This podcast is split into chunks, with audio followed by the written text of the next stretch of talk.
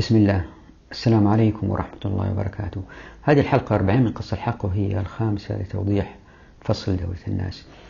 إذا تذكروا في الحلقة الماضية في آخرها ركزت قلت إنه في مسألتين فلتت من المسلمين من العصر الأموي العباسي العثمانيين كل كل الدول ألا وهي أنه العمل العسكري كان عبادة صار وظيفة. والمسألة الثانية أنه الغنائم لم تقسم بين الجنود لأن الجنود كانوا يأخذوا مرتبات لأن العمل العسكري صار وظيفة وليس عبادة. طبعا هنا توضيح سريع بسيط يعني نقد الدولة الأموية أو العباسية. هذه الدول لا يعني لا يعني آه، آه، أنها ليست جيدة. لا هذه الدول آه، خيرة لكن فيها شر بسيط يعني لكن خيرها غلب كثير كثير على شرها. هي دول عظمى. دول عظمى في ذلك الوقت في جميع النواحي العسكرية والاقتصادية والأدبية والفنية. يكفي العمارة الإسلامية أنا متخصص في العمارة الإسلامية عمارة باهرة في النسب وفي الجمال وما إلى ذلك. برغم أنه الرسول صلى الله عليه وسلم قال شر مال أنفق في البناء وهذه وضحتها كيف أن المجتمع لما يستثمر في الأفراد ويكثر المال القليل الذي يخرج من هؤلاء يؤتينا عمارة رائعة جدا. فلا يعني النقد النقد أبدا التقليل من شأنهم. لا نحن مين حتى نصل إلى هؤلاء العظماء السابقين يعني. فهي دول عظمى. وتوضيح آخر أيضا مهم أنه اللي صاير الآن كثير ناس سألوني أنه اللي صاير الآن في الفصائل هذه التي تقاتل وتجاهد هي بتطبق الشريعة من خلال أنه الأفراد متحمسين والشباب بيجوا بي بيقاتلوا فيها. لكن العقلية التي تحكم هؤلاء تقريبا أنا ما أعرفهم كلهم أرجو أن أكون أخطأت على أحد لكن تقريبا العقلية هي نفس العقلية الحالية الدكتاتورية إلا وأنه قائد الفصيل هو الذي يأخذ الغنائم ويحتفظ بها أو يوزعها بنوع من المفاضلة لهذا غير هذاك. آه، فالأربع خماس هي للغانمين وبعدين تأتي المفاضلة وفيها خلاف هذه تأتي من أين؟ يأتي توضيح إن شاء الله في فصل الديوان. فالتركيبة أيضا في هذه الفصائل ليست شرعية كما يجب وإن شاء الله بإذن الله أحد يوصل لهم هذه الفيديوهات ينبههم على هذه المسألة لأنه الأمة لا تنتصر إلا إذا كانت قابضة على الشريعة في تفاصيلها. أما أنه شوية وشوية والله أعلم قد لا يكون ملائم للأمة. في الحلقة هذه بأشرح موضوع القوة الحقة وأعطيتها عنوان القوة الحقة لأن هي والله أعلم الأساس الذي إذا تمسكت به الأمة المسلمة مهما أخطأوا الحكام فلن تكون أمة ذليلة. ألا وهو أن العمل العسكري ليس عبادة فقط ولكن يصير مع كثرة التدريب على حمل السلاح والحديث عن السلاح وعمل مباريات عن الرمي وما إلى ذلك يصير عرف الآن أنتم عارفين مثلا في دول الخليج واحد بسرعة يلبس الغطرة والعقال ببساطة لكن يمكن يجد صعوبة في ربط الكرافتة في دول أخرى بسرعة يربط الكرافتة يمكن الخليجي ما يقدر. ففي أعراف المرأة بسرعة تضع الحجاب المتحجبة الغربية تأخذ وقتها لأنها تتدرب على المسألة هذه لأنه ما ما تعرف آه، الأعراف كيف تلبس الحجاب بينما المسلم اللي طول عمره تلبس الحجاب من صورة ببساطة تسوي الحجاب. الشريعة وضعت حركيات كيف أنه العمل العسكري يصير عرف وهذا شيء مهم جدا. نبدأ بحديث في صحيح مسلم ومسند الإمام أحمد عن عقبة بن عامر أنه قال سمعت رسول الله صلى الله عليه وسلم وهو على المنبر يقول أعوذ بالله من الشيطان الرجيم وأعدوا لهم ما استطعتم من قوة. ألا إن القوة الرمية. ألا إن القوة الرمية.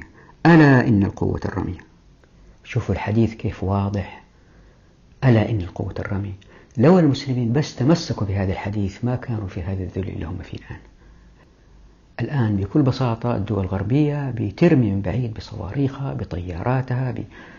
وبعد ما يفتكوا بالعمران والمباني والناس ينزلوا جنودهم متجدين بالأسلحة ويسيطروا على الأراضي.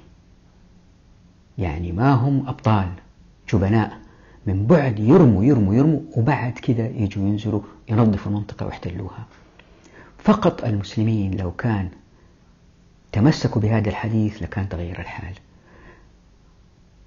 اللي بيصير إنه إن طبقنا الشريعة الرسول صلى الله عليه وسلم ما قال ألين قوة الرمي فقط الحاكم اللي يقوم بهذه المسألة لا. زي ما راح نشوفوا واثبت إنه هذا خطاب لعموم المسلمين. إذا كان عموم المسلمين تعلموا الرمي ما حد يقدر يضع رجله في العالم الإسلامي. الرمي قد يكون بطائرة بمدفع بصاروخ بمسدس برشاش بأي شيء. طيب السؤال هنا بيصير ألا إن القوة الرمي هل يعني هذا إنه الحاكم يجمع الأموال عشان يقول شوفوا إحنا ما نقدر عليهم في الغرب لازم تكون عندنا طيارات ولازم نصنع الطيارات ونحتاج الأموال صناعة الطيارات؟ الإجابة على هذا السؤال لابد من توضيح الآتي.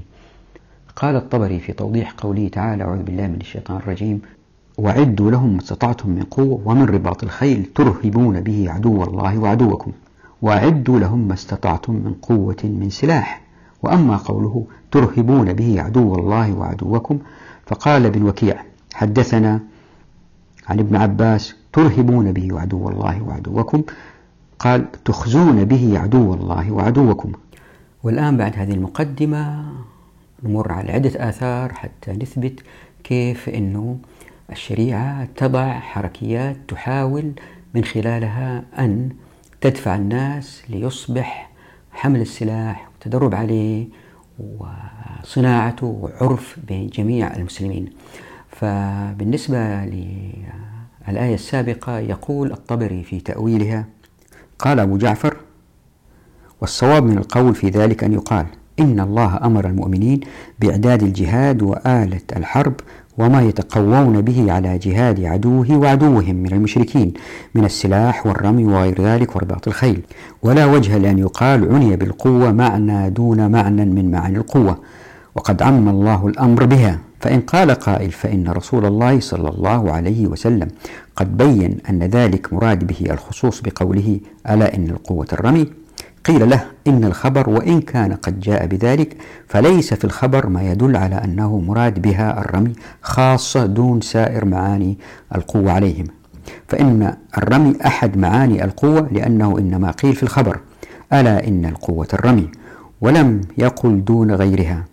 ومن القوة أيضا السيف والرمح والحربة. وكل ما كان معونة على قتال المشركين كمعونة الرمي أو أبلغ من الرمي فيهم وفي النكاية منهم. يعني يقصد أبلغ من الرمي اللي هو الأيام هذه يمكن يستخدم طائرات معدات دبابات. يعني الطبري بيقول لنا أنه الرمي هو ليس بالضرورة. أي الرمي رمي سهم ولا رم آه، صاروخ لا.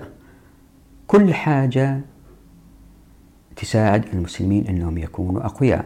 طبعا من أهم هذه الأشياء الرمي. فقد جاء في تفسير الطبري أيضا أن رجلا لقي مجاهدا بمكة ومع مجاهد جوالق قال فقال مجاهد هذا من القوة. ومجاهد يتجهز للغزو. وورد في سبل السلام أن حديث الرمي أفاد الآتي. القوة في الآية بالرمي بالسهام لأنه المعتاد في عصر النبوة ويشمل الرمي بالبنادق المشركين والبغاة. ويؤخذ من ذلك شرعية التدرب فيه لأن الإعداد إنما يكون مع الاعتياد. شوفوا الاعتياد هذا هو أنه تصير عرف إذ من لم يحسن الرمي لا يسمى معدا للقوة. والآن أسرد بعض الأحاديث اللي تبين من حياة الرسول صلى الله عليه وسلم من فعله كيف كان آه، يشدد على هذه المسألة أنه يا مسلمين تدربوا على السلاح باستمرار.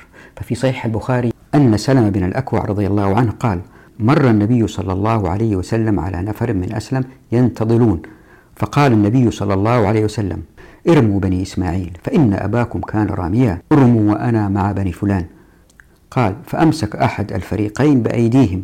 فقال رسول الله صلى الله عليه وسلم ما لكم لا ترمون؟ قالوا كيف نرمي وأنت معهم؟ قال النبي صلى الله عليه وسلم ارموا فأنا معكم كلكم. وهنا في إشارة واضحة من الحديث أنه العمل العسكري التدرب عليه يجب أن يكون شيء مستمر على طول في السلم والحرب لأنه باختصار الحروب التي تأتي بغتة تأتي في وقت السلم والأمة أحيانا نائمة ثم تأتي الهزيمة. لذلك يجب أن تكون الأمة بجميع أفرادها مستعدة دائما وهذا ما يصير إلا إذا كان انتبهوا هذا ما يصير إلا إذا كان اللعب بالأسلحة نوع من أنواع المباريات زي مباريات كرة قدم زي مباريات دوري كرة سلة. يمكن يكون في دوري مين يتقن الرماية أفضل يكون في دوري مين يقدر يسهر آه، لساعات أطول لحماية الحدود. يمكن يكون في دوري آه، مين أسلحته مجموعة شباب يسووا أسلحة يصنعوها بدعم بشوية أموال من بعض الأثرياء اللي لهم الأجر. فيتقنوا إصابة الهدف واحد يمكن يصيبها يصيب الهدف بأسلحته اللي ابتكرها على بعد 10 كيلو يصيد آه، متر مربع في مربع واحد يطلع أحسن منه. لا 10 سنتي في 10 سنتي. يعني تصير مسابقات زي هذه. يصير لهو الأمة. عشق الأمة هو حمل السلاح. ذاك الوقت مين يقدر على الأمة هذه؟ هذا اللي حاول الرسول صلى الله عليه وسلم أنه يفعله. فمثلا جاء في صحيح مسلم أن عقبة بن عامر قال سمعت رسول الله صلى الله عليه وسلم يقول ستفتح عليكم أرضون ويكفيكم الله. فلا يعجز أحدكم أن يلهو بأسهمه. شوفوا فلا يعجز أحدكم أن يلهو بأسهمه. هنا في توجيه يلهو يعني يلعب. في توجيه أنه حتى لو فتحت عليكم الآفاق وتمكنتوا وما أنتم خايفين من أي دولة ومسيطرين على كل الكرة الأرضية والكرة الأرضية كلها أسلمت حتى ذلك الوقت تلهوا بأسلحتكم. ليه؟ لأنه يمكن شرذمة صغيرة تطلع. خلينا نقول كل الكرة الأرضية أسلمت راح تظهر. جماعة وتحاول تخربط في الأمور وفي العقيدة وتبدأ تكون لها أفراد من حولها وتحاول تعيد الكفر والشرك والشرك مرة أخرى. لنتأكد من هذا الاستنتاج خلينا نشوف هذا الحديث من صحيح مسلم أيضا. فقد كان عقبة بن عامر يتدرب على السلاح برغم مشقة ذلك عليه لكبر سنه. فعن الحارث بن يعقوب عن عبد الرحمن بن شماسة أن فقيما اللخمي قال لعقبة بن عامر تختلف بين هذين الغرضين وأنت كبير يشق عليك؟ يعني عقبة بن عامر كان رجال كبير ويحاول يتدرب على السلاح. قال عقبة لولا كلام سمعته من رسول الله صلى الله عليه وسلم لم أعانيه. قال حارث فقلت لابن شماسة وما ذاك؟ قال إنه قال من علم الرمي يعني الرسول صلى الله عليه وسلم قال من علم الرمي ثم تركه فليس منا. أو قد عصى. وهنا في حديث أخرى وضعتها تحت الحرف جيم اثنين. يمكن واحد يسأل ليش جيم اثنين؟ آه اللي يصير إنه هو أنا في كتاب قص الحق كل فصل أبدأ بحروف من الهمزة ألف باء جيم لتوضيح في الهامش غير الأرقام التي تشير إلى المراجع. أحيانا أصير لحرف الياء والفصل ما يكون خلص فأبدأ بباء اثنين جيم اثنين دال اثنين. من هذه الأحاديث مثلا قوله صلى الله عليه وسلم من علم الرمي ثم تركه فليس منا أو قد عصى. وفي شرح النووي تش يقول هذا تشديد عظيم في نسيان الرمي بعد علمه. وهو مكروه كراهة شديدة لمن تركه بلا عذر. وفي سنن ابن ماجه أن عقبة بن عامر الجهني قال سمعت رسول الله صلى الله عليه وسلم يقول من تعلم الرمي ثم تركه فقد عصاني. وقال ابن تيمية وثبت عنه في الصحيح أنه قال أرموا واركبوا وإن ترموا أحب إلي من أن تركبوا. ومن تعلم الرمي ثم نسيه فليس منا. وفي رواية ومن تعلم الرمي ثم نسيه فهي نعمة جحدها. طبعا كل هذه الآثار تدل وتشير بوضوح أنه يا مسلمين هذا هو لهوكم. مش بس كده كمان فيها أجر. فقد جاء في المستدرك على الصحيحين عن خالد بن زيد قال كنت راميا أرامي عقبة بن عامر. فمر بي ذات يوم فقال يا خالد أخرج بنا نرمي. فأبطأت عليه فقال يعني تأخرت عليه يا خالد تعال أحدثك ما حدثني رسول الله صلى الله عليه وسلم وأقول لك كما قال رسول الله صلى الله عليه وسلم إن الله يدخل بالسهم الواحد ثلاثة نفر الجنة. يعني ثلاثة يدخل الجنة بسبب سهم واحد صانع الذي احتسب في صنعته الخير ومتنبله والرامي. وارموا واركبوا وإن ترموا أحب إلي من أن تركبوا. وليس من اللهو إلا ثلاثة تأديب الرجل فرسه وملاعبته زوجته ورميه بنبله عن قومه. ومن علم الرمي ثم تركه فهي نعمة كفرها. وعن أبي هريرة رضي الله عنه أن رسول الله صلى الله عليه وسلم قال كل شيء من لهو الدنيا باطل إلا ثلاثة انتظالك بقوسك وتأديبك فرسك وملاعبتك أهلك. فإنها من الحق. وقال رسول الله صلى الله عليه وسلم انتظلوا واركبوا وإن تنتظلوا أحب إلي. إن الله ليدخل بالسهم الواحد ثلاثة الجنة. صانعه يحتسب فيه الخير والمتنبل والرامي به. طبعا واضح من هذه الآثار أنه الرسول صلى الله عليه وسلم من خلال أنه الشخص آه، يؤجر في اللهو يعني بيلعب.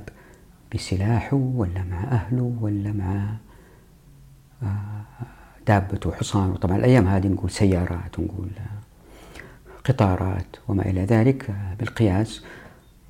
إذا الواحد يتأمل هذا الحديث ويتأمل أيضا مع قوله صلى الله عليه وسلم أنه السهم يؤجر عليه إلا يصنعه نضع هذه على بعض الأفكار نستنتج أنه الأمة هذه إن طبقت أحاديث الرسول صلى الله عليه وسلم في التسليح تصير أمة في حدودها الخارجية دائما ينسحب لها الشباب لأن أمة يعني بتكبر في المساحة ينسحب إليها الشباب إلا لو حاول إنسان هناك من أمة أخرى بس يلمسها لمس كذا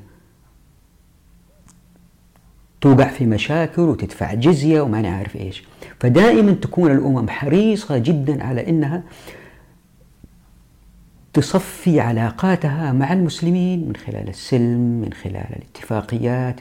يحاولوا دائما يبتعدوا عن أي حرب لأنه أولا ما يستطيعوا أنهم يغزوا المسلمين لأنه الكل مسلح تقريبا حتى إذا مش الكل طائفة كبيرة منهم مسلحين 20-30% من الشعب. زائد بلشة لأنه إذا كان غزوهم أو نكشوهم نكشة المسلمين 20 30 سنة قدام حي على الجهاد يبهدلوهم فما في مجال للأمم الأخرى أنها تعيش مع الأمة المسلمة إلا بالاتفاقيات السلمية. هذا إن لم يكن في دفع جزية. فهذا المعنى الحقيقي للقوة الحقة ألا وهو تحول العمل العسكري إلى أعراف الكل يتحدث فيها. شوفوا الآن في الغرب الشركات اللي تصنع الطيارات والدبابات. شركات يعني طائفة صغيرة من المجتمع. فقط الدولة مثل الحكومة الأمريكية من الضرائب أخذت أموال تشتري فيها الأسلحة من هذه الشركات. ما بالكم بالأمة الإسلامية؟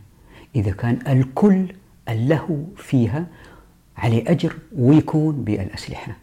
ما بالكم بالأمة إذا كان الكل من أصغر واحد لأكبر واحد يعرف يحمل السلاح حتى لو ما راح وحارب لأنه هو شغال في مصنع أو مزرعة أو متجر. لكن ساعات من أيامه في ساعات من حياته في الأسبوع يمضيها في التدرب على القتال وفي كل محل في نوادي وما إلى ذلك. فائدة أخرى أنه من هذه الأحاديث نفهم أنه الرمي آه، مفضل أو إتقان الرمي مقدم على إتقان الركوب.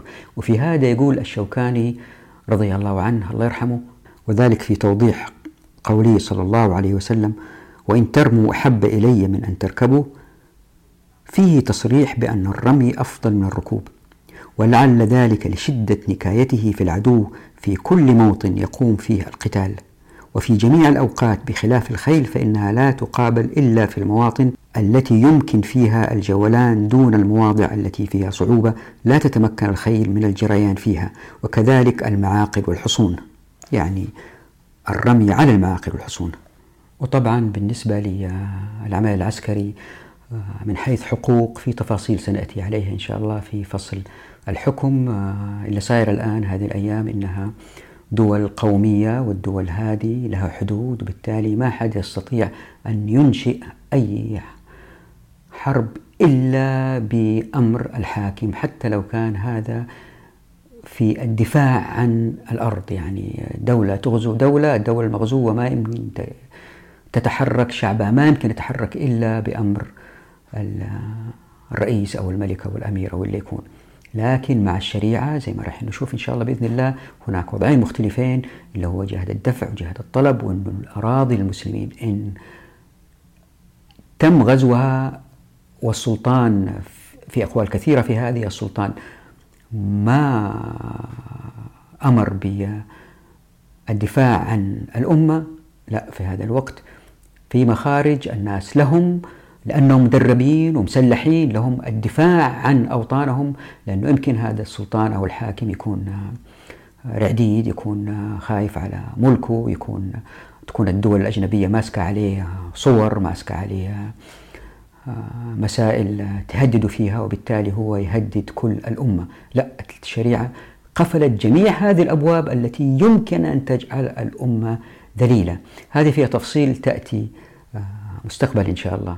مسألة أيضا أخرى مهمة هي أنه عندما يكون العمل العسكري عبادة وليس وظيفة وأن التجهيز الحربي يكون من الناس وليس من الدولة هذا يمنع التشابك الذي قد يحدث اللي تحدثنا عنه في الحلقة القبل قبل الماضية يمنع التشابك الذي قد يحدث بين الناس فيؤدي إلى استحداث الطبقيات بين الناس وبالذات إذا كانت طبقة لديها المال ولديها السلاح والتدريب وباقي الناس آه، قد يملكون المال لكن لا يملكون التدريب والسلاح وبالتالي تستعبد هذه الشعوب كما هو حادث هذه الأيام بالضبط. هذا هو واقعنا الآن. شعوب مستعبدة من قبل حكامها وأتت الشريعة لحركيات أو بحركيات حتى لا يقع هذا ولإثبات هذه المسألة في مجموعتين من الآثار إن شاء الله راح نشوفها في الحلقات القادمة. آه، لأنه هذا موضوع مهم. أنا في العادة في كتاب قص الحق أمشي كل حلقة 10 12 صفحة.